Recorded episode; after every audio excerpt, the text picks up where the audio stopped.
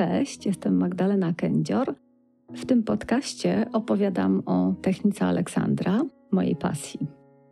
O tym, jak wszyscy, jeżeli chcemy, możemy wrócić do stanu wygody, lekkości, zadowolenia z siebie, jaką mieliśmy będąc dziećmi. Zapraszam Cię do słuchania dalej. Cześć. Dzisiaj chciałabym opowiedzieć trochę więcej o najważniejszej myśli wykorzystywanej w technice Aleksandra myśli nie. Słowo nie raczej nie kojarzy nam się dobrze. W sensie takim, że jakoś łączymy je z przeczeniem, z zaprzeczaniem, z zabranianiem, z czymś niekorzystnym i ogólnie negatywnym. I w sumie no nic dziwnego. Nie lubimy, kiedy ktoś e, nam zaprzecza albo e, w jakiś sposób e, właśnie negatywnie wyraża się o czymś, o czym my mówimy, ale również my nie, nie przepadamy za sytuacjami, kiedy musimy coś zanegować czy kogoś zanegować. Natomiast chciałabym, żebyśmy zobaczyli, że myśl nie i słowo nie może nieść zupełnie inne możliwości, właśnie związane z dawaniem nam wyboru. Z tym, że czasami dopiero kiedy przestaję patrzeć na coś w dany sposób, mogę zobaczyć inne możliwości.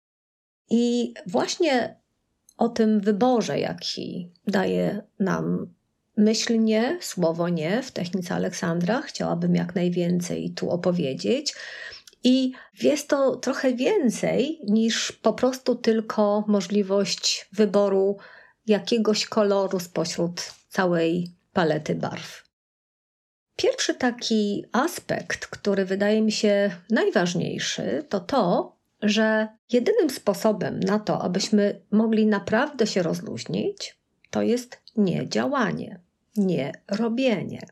Dla większości osób może się wydawać to dziwne, bo wydaje się, że jeżeli jestem spięta, to powinnam się rozluźnić i powinnam coś w tym kierunku zrobić. Natomiast, no właśnie, ja bardzo lubię takie porównanie naszego ciała do wody. No jakby nie było, nasz organizm w większości składa się z wody, więc może działać tak jak i ona. Jeżeli z jakiegoś względu woda jest zburzona, jeżeli ja wrzucę coś do wody albo poruszę, zmącę wodę patykiem, to nie mam żadnego szybkiego sposobu, aby ją innym ruchem uspokoić. Jedyne, co mogę zrobić, to poczekać, aż ona sama się uspokoi. I w pewnym sensie tak samo jest z naszym organizmem. Nie jesteśmy w stanie spowodować tego, że się szybko rozluźnimy. Możemy tylko pozwolić na to, aby to rozluźnienie nastąpiło. I ono następuje, jeżeli przestajemy działać. Jeżeli damy sobie prawo do tego, żeby przez chwilę nie robić, nie działać, nie reagować. I jeżeli masz ochotę, spróbujmy poświęcić na to jedną, może dwie minuty. Bez względu na to, jak w tej chwili siedzisz, czy stoisz, może coś robisz. Nie chodzi o to, aby specjalnie mm, zmieniał, zmieniała pozycję, ale spróbujmy umówić się sami ze sobą, że przez chwilę nie będziemy się ruszać, nie będziemy się poprawiać, Natomiast pozwolimy na to, żeby przez najbliższy krótki czas nie działać. Zacznijmy od tego, żeby tylko przez chwilę poobserwować swój oddech. Zakładam, że oddychasz nosem. Jeżeli nie możesz oddychać nosem, to ustami też będzie w porządku. Spróbujmy przez chwilę poobserwować swój oddech. Swój wdech i swój wydech, nie oceniając go, nie starając się poprawiać. Nie chodzi o to, abyśmy specjalnie oddychali dobrym oddechem. Chcemy przez chwilę nic specjalnie nie robić, pozwolić, żeby oddech sam się oddychał, tak jak oddychamy wtedy, kiedy nie zwracamy uwagi na fakt, że żyjemy i że oddychamy. Natomiast Właśnie w taki nieoceniający sposób mogę zwrócić uwagę, jak na to, jak wdech zamienia się w wydech, a wydech zamienia się we wdech. Zwróćmy też uwagę na te partie ciała, które przenoszą nasz ciężar ciała w dół do podłoża.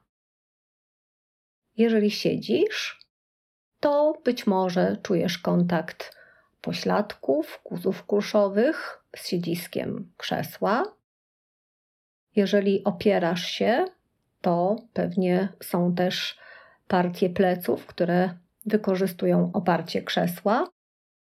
Bardzo możliwe, że gdzieś w jakiś sposób masz oparte ręce.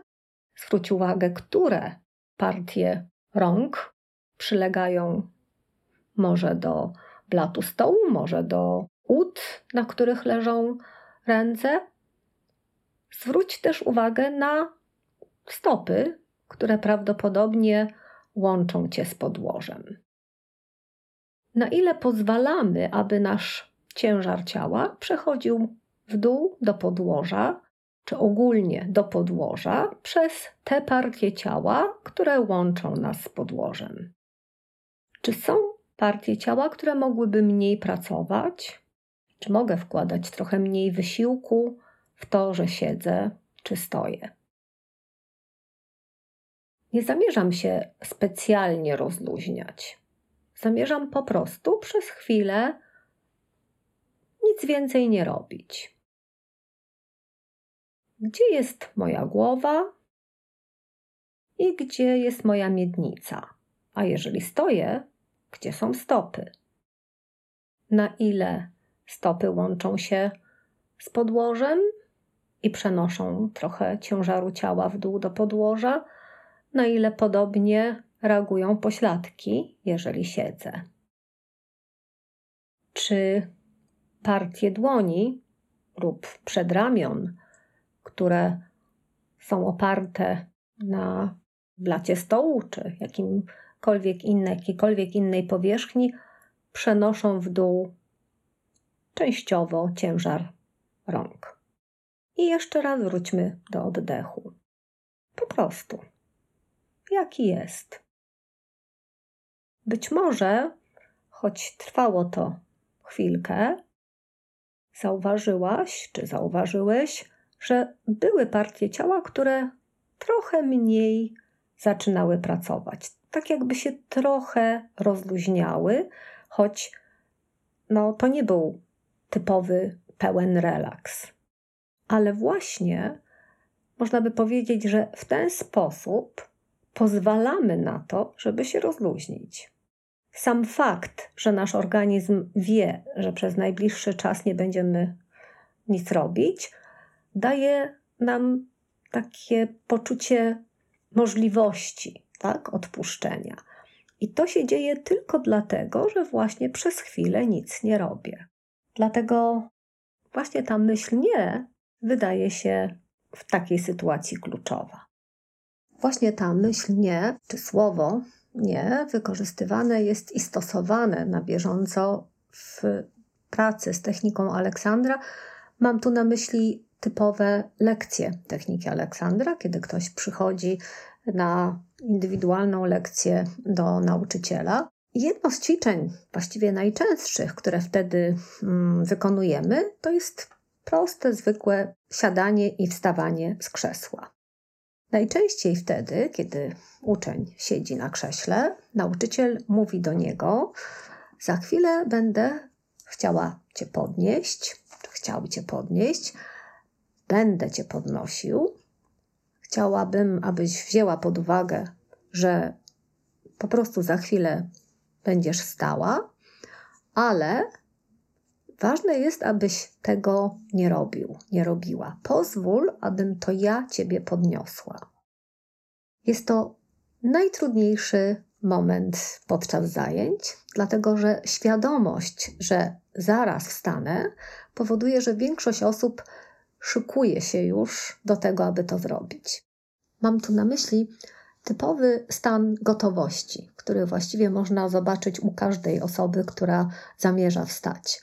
trochę się zaczyna poruszać na krześle, trochę się unosi do góry, często tak usztywnia klatkę piersiową, tak jakbyśmy jeszcze siedząc już usiłowali podnieść się do góry. No i właśnie, najważniejsze w takiej sytuacji jest, żeby tego nie robić. Nie po to, żeby nie wstać z krzesła. Ta zgoda na fakt, żeby nie wstawać, ma swój konkretny cel. Chodzi o to, że mm, podczas takiej lekcji nauczyciel chce przeprowadzić daną osobę przez sposób wykonania danej czynności, w tym momencie wstawania z krzesła, w trochę inny sposób. Chodzi o to, aby dana osoba doświadczyła, poczuła, jak to jest, że jest to możliwe, aby stać z krzesła z mniejszym wysiłkiem, z większą lekkością, bez bólu, bo niektórzy y, nawet tylko dlatego, że wstają z krzesła, już odczuwają jakiś rodzaj dyskomfortu lub bólu. I jedynym sposobem na to, aby doświadczyć innego, innej możliwości wstawania z krzesła, to jest zgodzić się na to, że nie będę tego robić po swojemu. Dlatego jest to naprawdę trudne, bo nam się wydaje, że to jest niemożliwe. Niemożliwe jest, żeby ktoś mnie podniósł, jak ja nie będę nic robiła. Wtedy najczęściej mówię: Dobrze, tak, tylko chodzi o to, żebyś mi nie pomagał, ale też i nie przeszkadzał. Pozwól, że ja cię poprowadzę w tym ruchu. I dopiero zgoda właśnie na to, żeby nie robić ruchu, otwarcie się na rodzaj ciekawości. Dobrze, no to ciekawe, co ta osoba ze mną zrobi.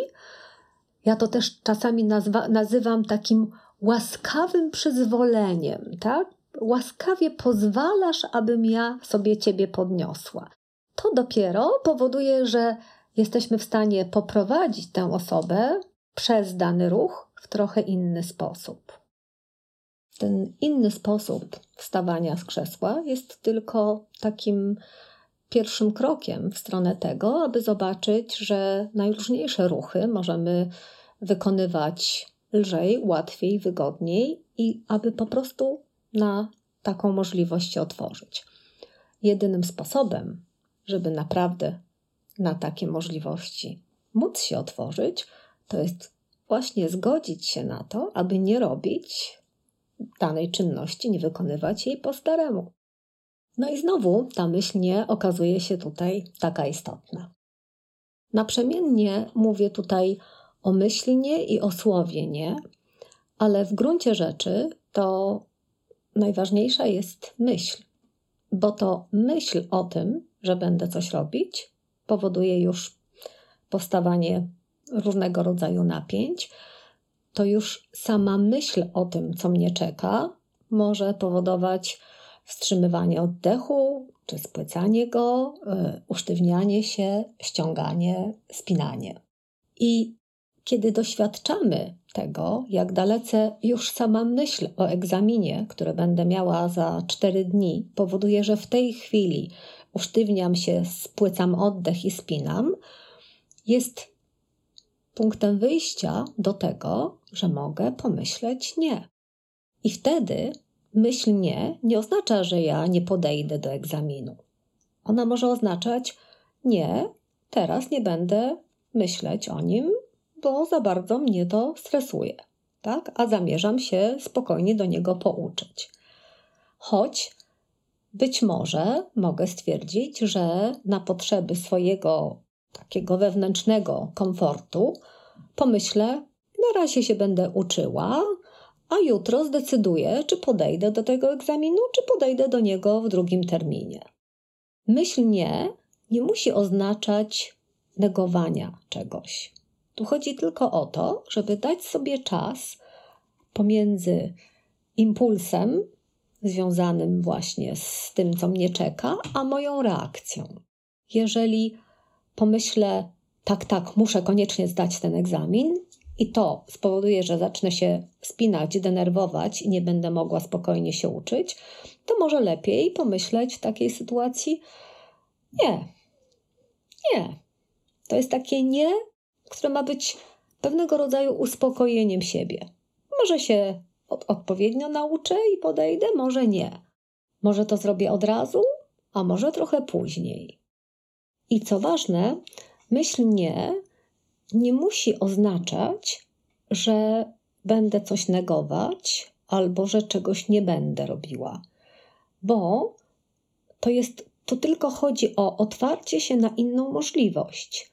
W przypadku, kiedy zwykle zamierzam nie robić czegoś i nie reagować, myśl nie może być po to, żebym zareagowała. W gruncie rzeczy chodzi o to, abym po prostu otworzyła się na inne możliwości. Świadomie też mówię o tym czasie pomiędzy impulsem do działania a naszą reakcją. Można powiedzieć, że to jest najważniejszy czas, który daje nam wybór.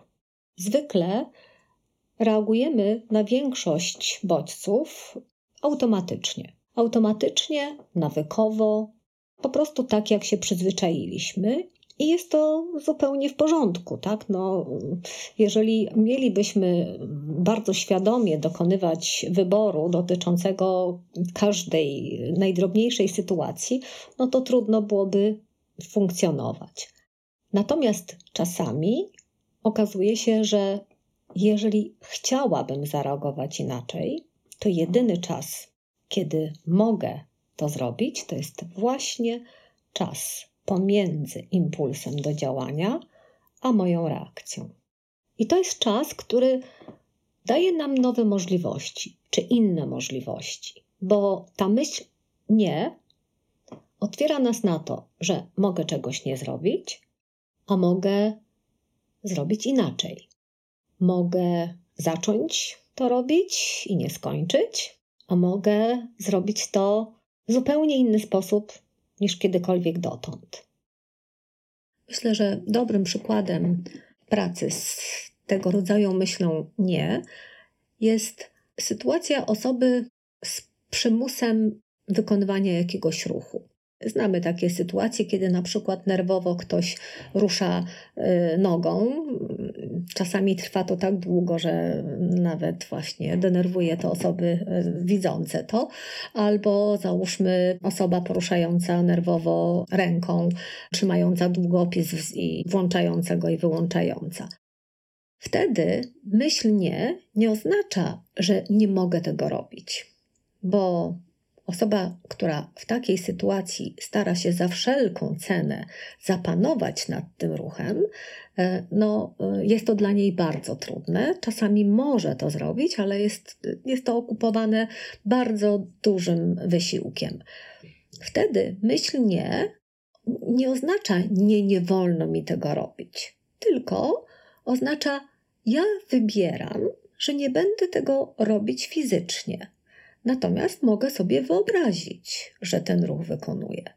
Kiedy pracowałam wielokrotnie z osobami właśnie z tego rodzaju problemem, najczęściej okazywało się, że przyzwolenie na to, że mogę sobie po prostu wyobrażać, że wykonuję ten ruch, już ułatwiało sprawę i okazywało się, że dana osoba mogła przez chwilę fizycznie tego ruchu nie robić w jakiś sposób wyobrażenie wykonywania ruchu rozładowywało przynajmniej częściowo nadmiar energii.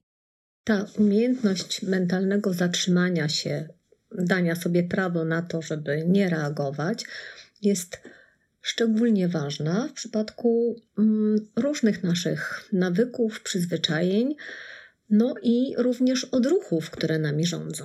Czy chcemy, czy nie chcemy, jest ich trochę jako taki jeden z odruchów, który, który mnie fascynuje, daje przykład mm, specyficznego odruchu, o którym nawet nie wiem, czy jest warunkowy, czy bezwarunkowy, jak to należałoby nazwać, a mianowicie odruch, który ćwiczymy przez pierwsze trzy lata swojego życia. Chodzi mi o sytuację, kiedy jakiś obiekt jest w zasięgu ręki małego dziecka. Co robi wtedy dziecko? Łapie ten obiekt albo usiłuje go złapać i jak najszybciej wziąć do buzi. I czy to jest osesek mający 3-4 miesiące, czy to jest dwulatek, czy trzylatek, reaguje dokładnie tak samo. Wyciąga rękę i pierwsza rzecz usiłuje to wziąć do buzi. Jest to pewnie bardzo prawidłowo uwarunkowane, bo nasi przodkowie przez e, tysiące lat, mając do czynienia z nowym obiektem, sprawdzali, czy nadaje się do jedzenia, no i musieli do, dokładnie zobaczyć, jak wygląda, jak pachnie, jak smakuje. Także odruch jako taki na pewno bardzo wiele nam daje. Natomiast rezultatem tego odruchu jest to, że jako dorośli, kiedy cokolwiek bierzemy do ręki, to natychmiast automatycznie zaciskamy trochę nadmiernie dłoń, ściągamy, kurczymy przedramię, podobnie kurczymy ramię, przybliżając dłoń do barku, często również i bark ściągamy, dlatego że dalej ściągamy również szyję, aż po usta. Nawet kiedy bierzemy do ręki telefon, to dokładnie coś takiego robimy. E,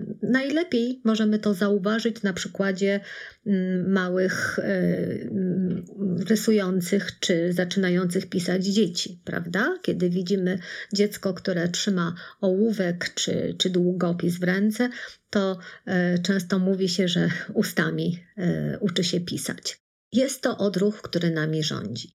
I myśl nie w takiej sytuacji nie oznacza tego, że chcę zapanować nad reakcją, która no, rządziła mną przez tyle lat, że trudno oczekiwać, że z minuty na minutę ją obezwładnię w jakikolwiek sposób.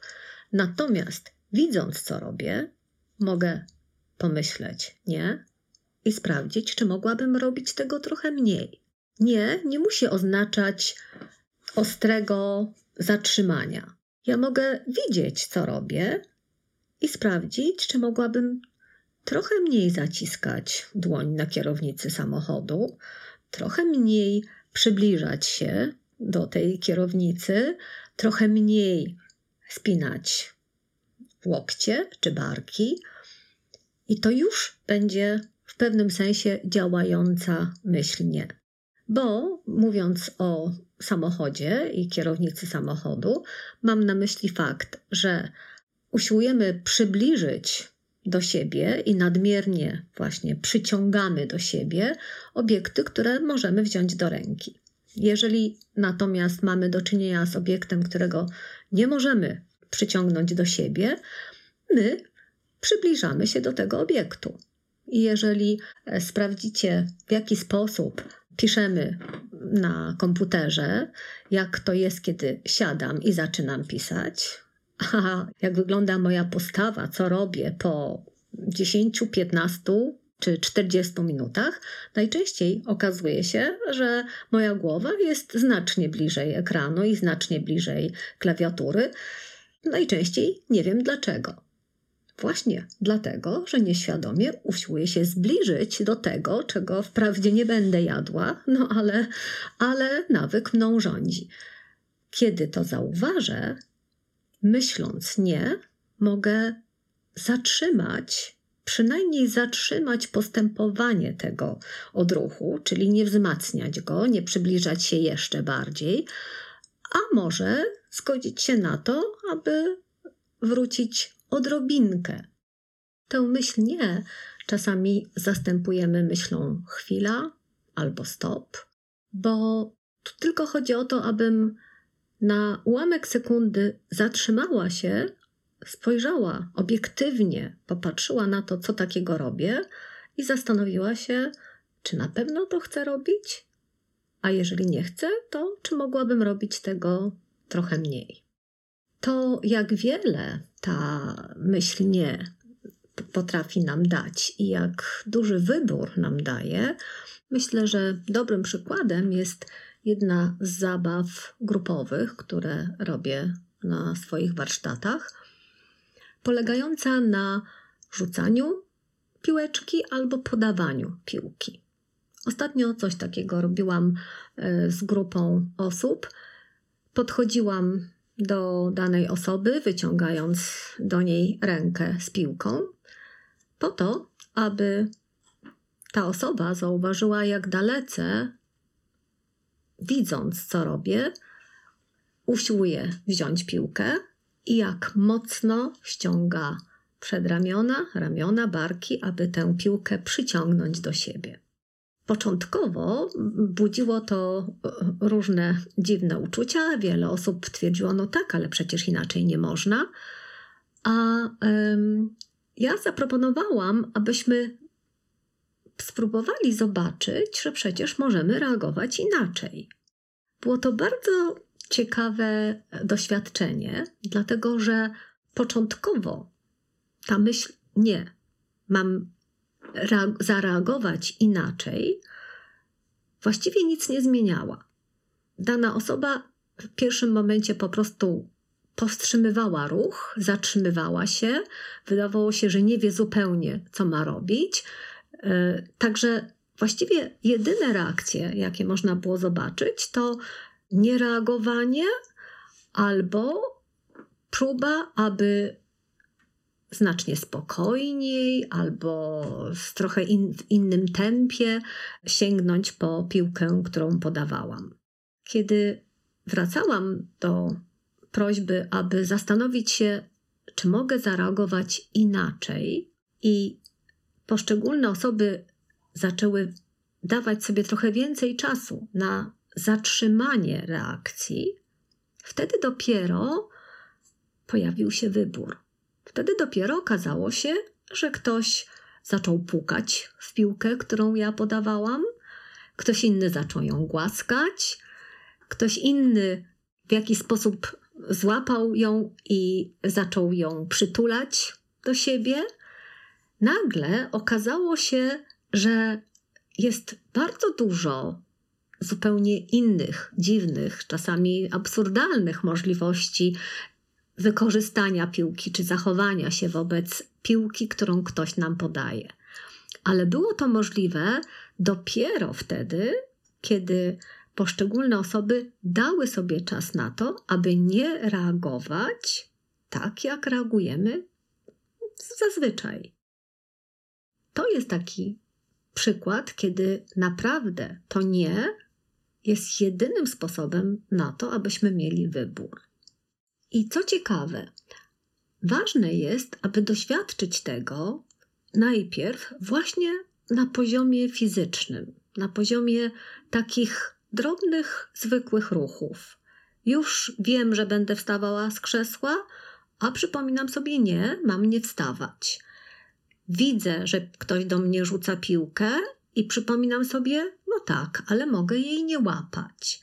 Próby ćwiczenia, w których właśnie zatrzymujemy się fizycznie na ten czasami stosunkowo krótki moment, dając sobie przyzwolenie, żeby zachować się inaczej, powodują, że potem okazuje się, że w jakiś sposób bierzemy pod uwagę, że można by było się również inaczej zachować. Kiedyś po wakacyjnych warsztatach, kiedy wysłałam e, jesienią ankiety do uczestników mm, tych zajęć z pytaniem, co sobie wzięli z naszej pracy, dostałam piękny list od dziewczynki, która wtedy przeszła do gimnazjum, chyba. W każdym razie po wakacjach zaczęła nową szkołę i oprócz opisywania, jakie inne ćwiczenia w międzyczasie próbowała i stosowała, i, i co in, w jakim stopniu jej pomogły, napisała jeszcze bardzo ciekawą rzecz. Napisała o tym, że w szkole okazało się, że jest parę niemiłych koleżanek. I ona, widząc jak się zachowują, pomyślała sobie, że nie musi łapać piłek, które do niej rzucają. Zakończyła to bardzo trafnym spostrzeżeniem o tym, że nie musi łapać piłek od niemiłych koleżanek w swojej nowej szkole. Myślę, że nie wymaga to komentarza. W tym kontekście e, ta aleksandrowska myśl nie może być rodzajem buforu, dzięki któremu możemy trochę zadbać o siebie. I przywołam tu jeszcze jedną historię. Kiedyś pracowałam z techniką Aleksandra e, z psycholożkami. Jedna z tych pań po e, kolejnych zajęciach, kiedy, zaczyna, kiedy zaczynaliśmy następne, opowiedziała o jednym ze swoich wychowanków. Nie wiem, czy to dotyczyło kolonii, czy jakiegoś innego ośrodka, w którym pracowała. W każdym razie opowiadała o Jasiu, który e, często no, wymagał jakiejś dodatkowej opieki czy ustawienia, który, kiedy pytany Jasiu, dlaczego to zrobiłeś, odpowiadał ja.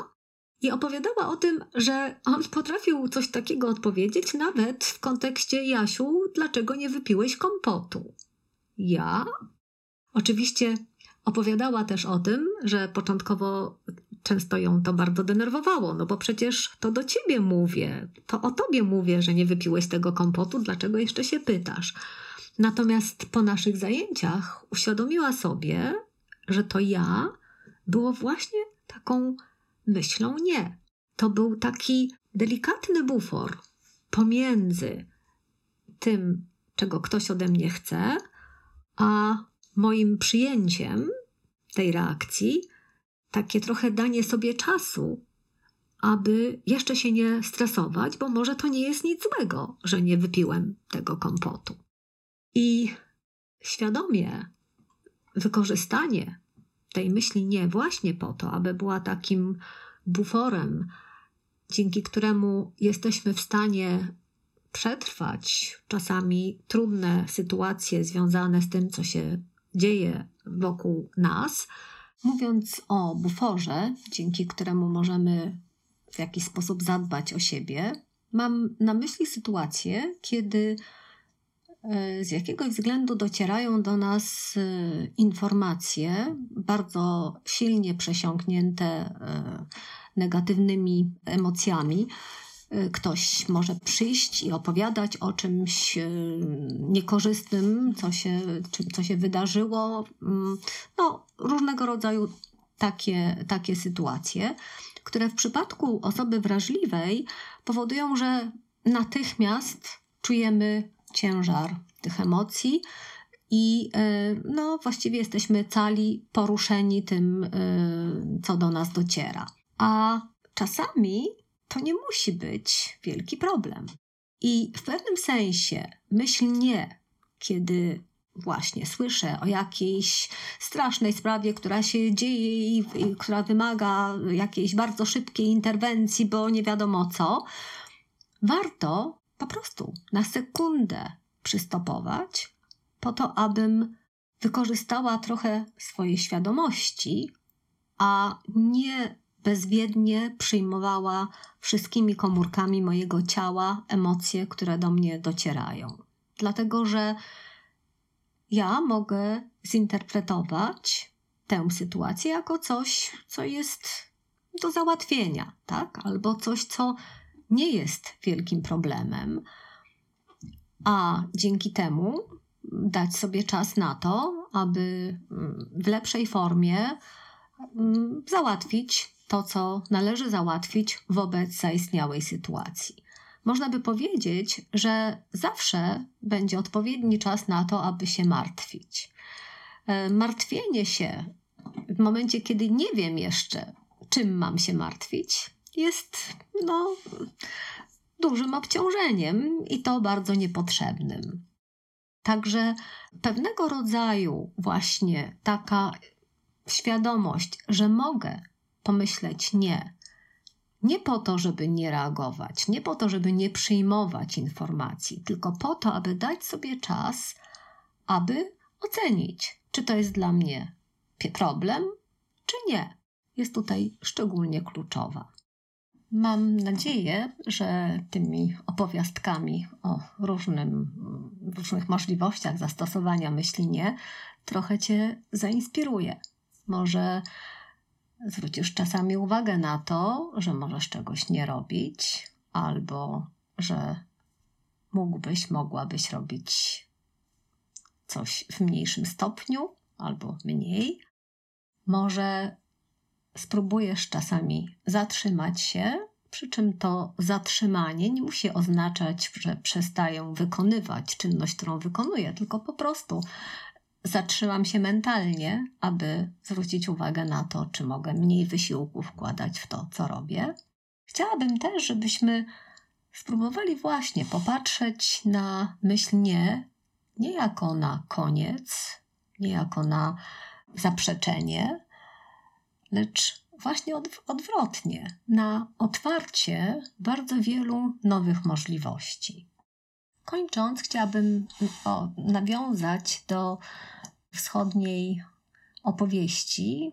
Nie pamiętam w tej chwili skąd ona do mnie trafiła, ale myślę, że wiele osób różne wersje jej zna o człowieku, który na każdą wypowiedź swoich sąsiadów czy osób, które przychodziły do niego gratulując mu e, jakiegoś sukcesu albo martwiąc się e, z jakiegoś powodu czegoś negatywnego, zawsze odpowiadał: Może to dobrze, a może źle.